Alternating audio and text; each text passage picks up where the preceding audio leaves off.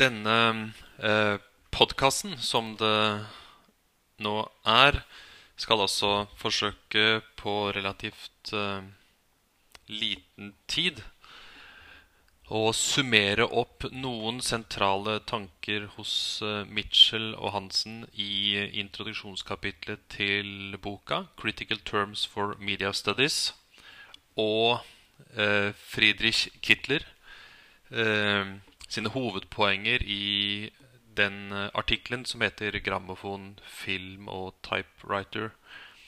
Når disse to eh, behandles eh, felles eh, i denne eh, podkasten, så er det fordi eh, Mitchell og Hansen bl.a. baserer seg på den kritiske medieteorien, som bl.a. har eh, grobunn i Friedrich Kittlers sin tenkning. Derfor vil dere nok både dra kjensel på en del likheter mellom eh, Mitchell Hansens eh, refleksjoner om medienes betydning eh, i det 21. århundre, og Kittler sine refleksjoner om eh, medier som for så vidt strekker seg egentlig fra eh, århundreskiftet 18- til 1900-tallet og fram til eh, ja, tidlig 2000.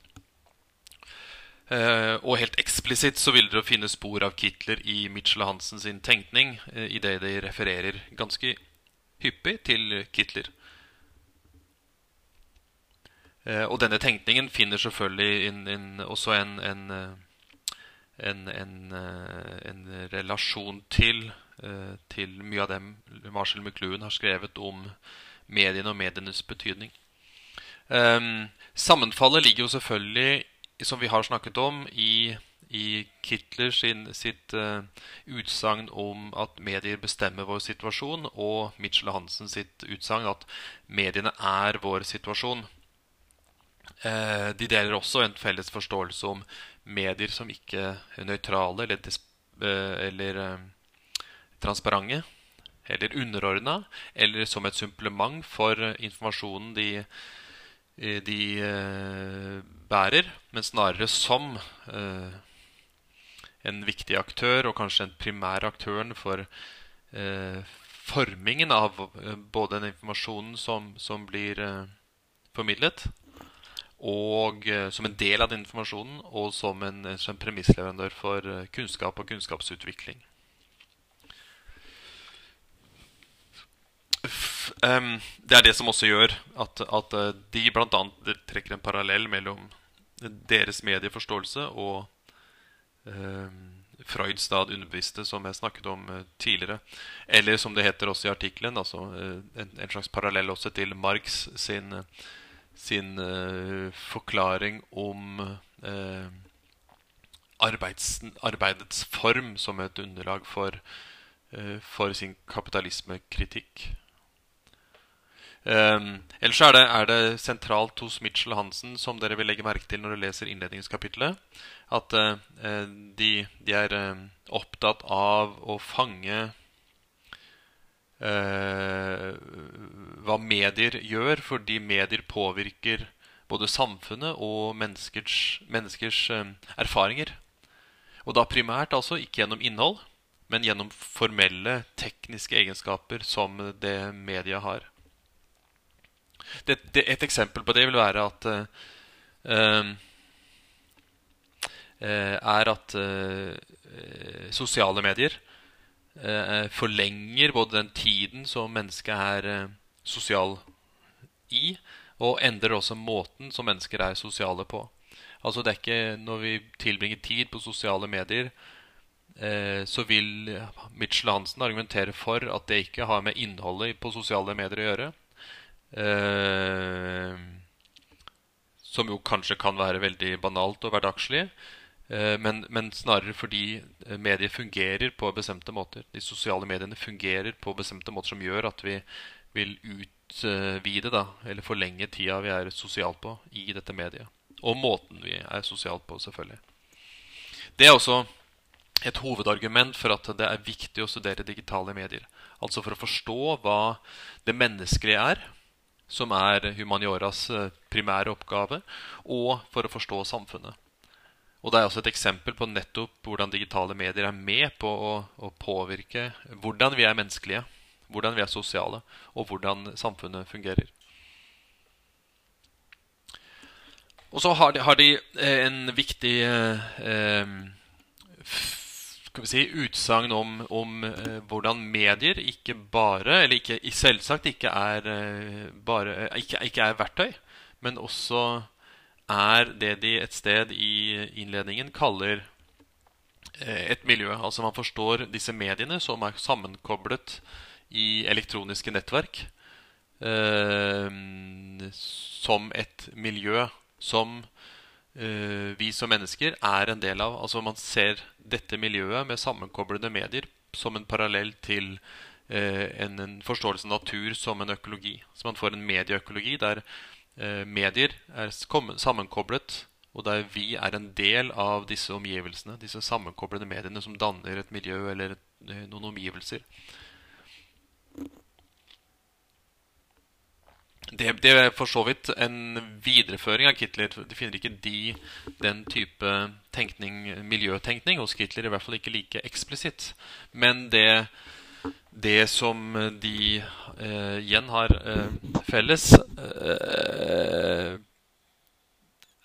Helt sånn, sånn, grunnleggende er det som eh, vi kan kalle at de representerer eller er med på å utvikle en kritisk medieteori.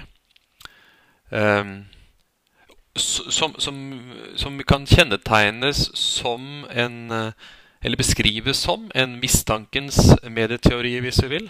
Og med mistankens medieteori så ligger det en parallell til den hermenøytiske retningen som gjerne kalles eh, mistankens hermenøytikk.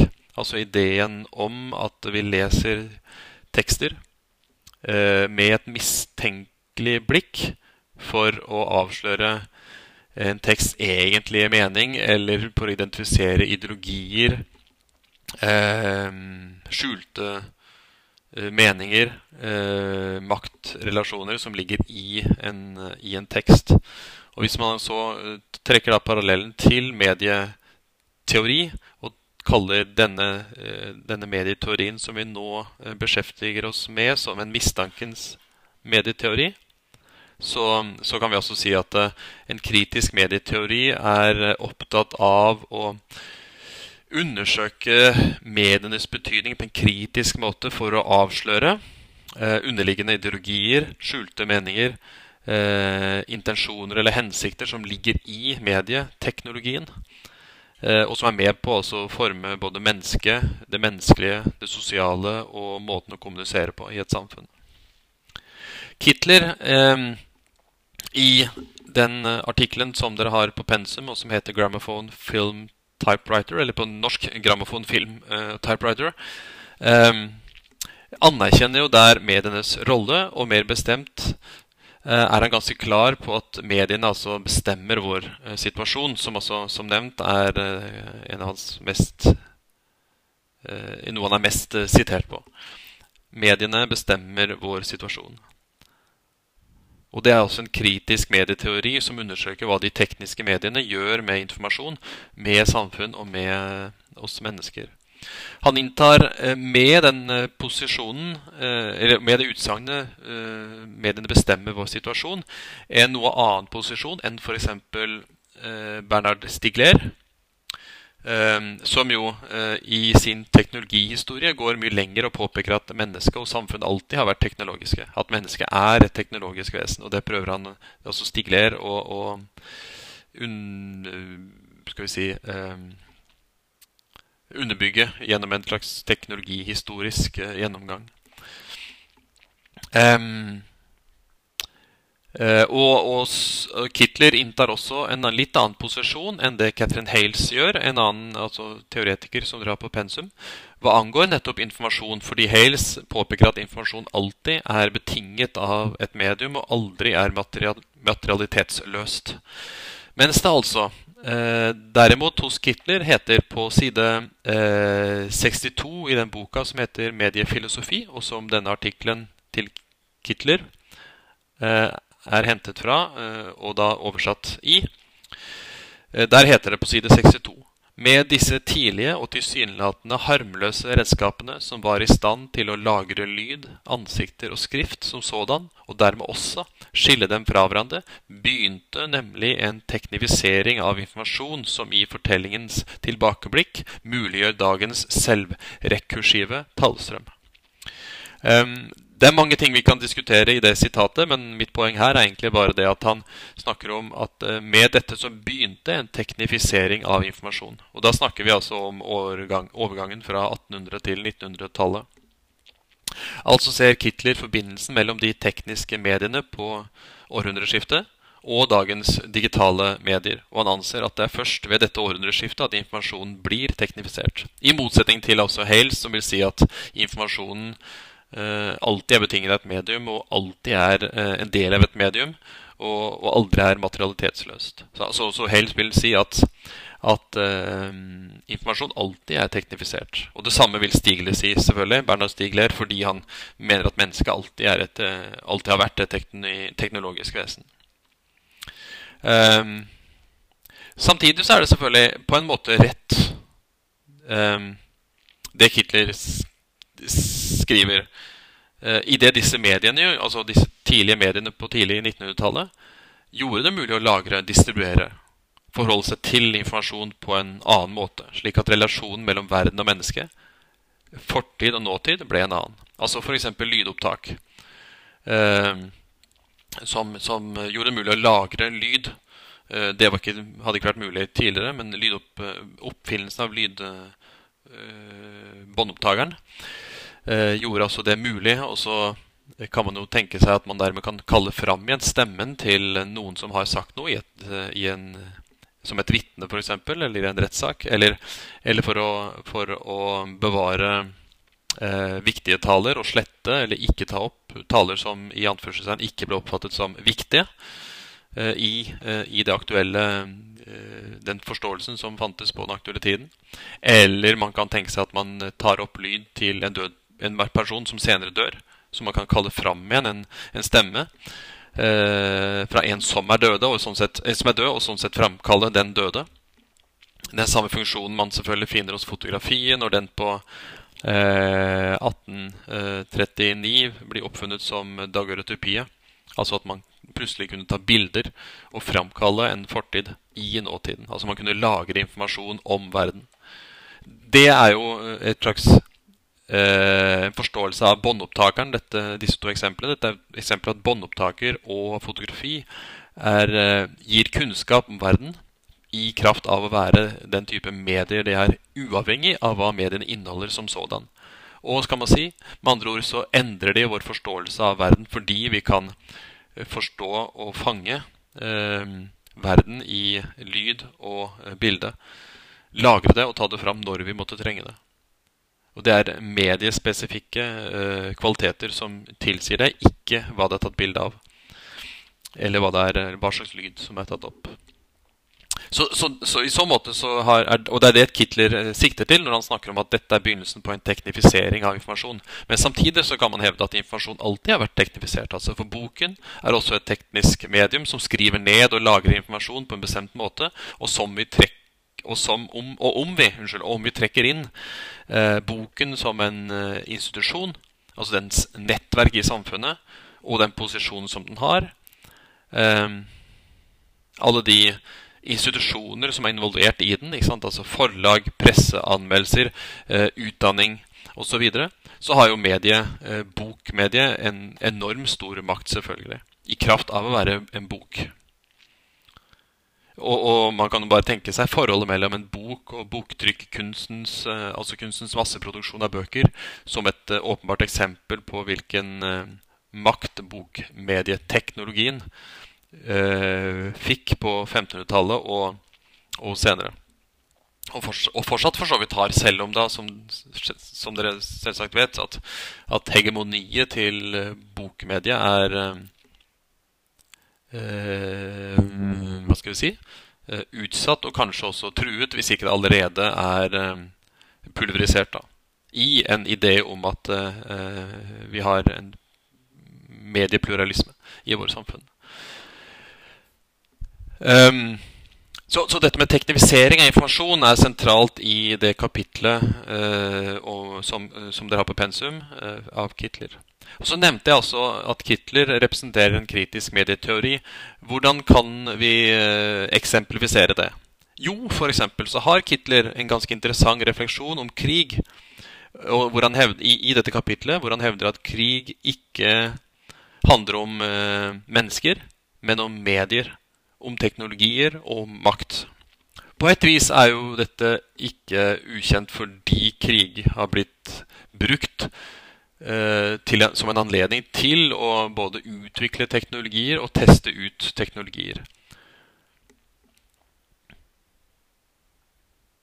Um, og, man, men, og, samtidig kan man si at uh, medier og teknologi og den utviklingen som de skaper, ikke handler om mennesker altså uavhengig av krig, ikke handler om mennesker eller om velstand, men om medier, teknologi, informasjon og makt. Altså teknologi, teknologiutviklingen, ifølge Kitler, er eh, ikke noe som eh, eh, skjer fordi eh, til menneskets beste, eller velstandens beste, eller den modernistiske framtidstenkningens beste. Eh, men den har helt andre eh, formål og er til for mediene og teknologiene selv og kapitalismen kan vi selvfølgelig legge inn, men, men, men vi får holde den type eh, tenkning litt på siden akkurat nå.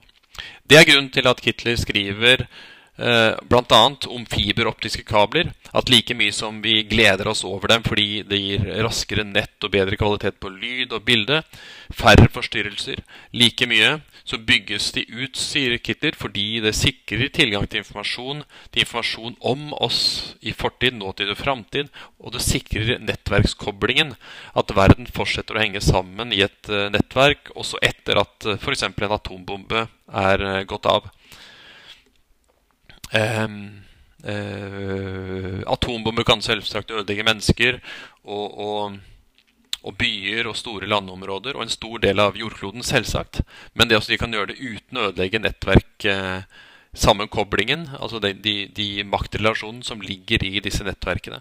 At mennesker er koblet sammen. Makt, makten er koblet til disse nettverkene. Eh, og det skyldes altså ifølge Kittel fiberoptikken. Altså de, det er visse ting, infrastruktur, maktrelasjoner, nettverk, som vil være funksjonelle i en krisesituasjon. Eh, som, som Kitler skriver om på side 65. Et annet eksempel på denne kritiske medieteorien, og hva den kan brukes til, kan være måten den retter blikket mot eh, den eh, digitale teknologiens informasjon.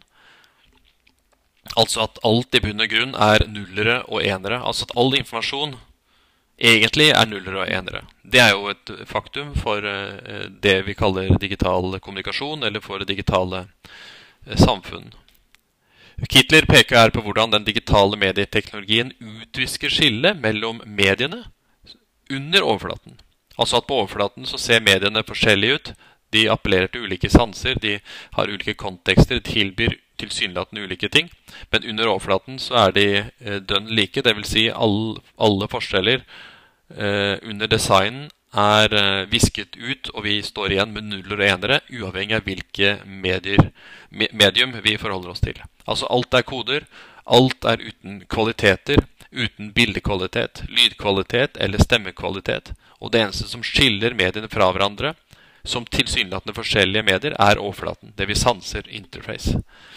Og om vi tolker Kitlers skepsis, han er virkelig en skeptiker på dette området, eller kritiker, så innebærer dette at et medium eh, som en medieteknologi som skiller seg fra andre medier, er gått i oppløsning. Det er intet medieteknologisk skille lenger mellom TV, eh, radio, eh, fotografi eh, på, eh, på nett.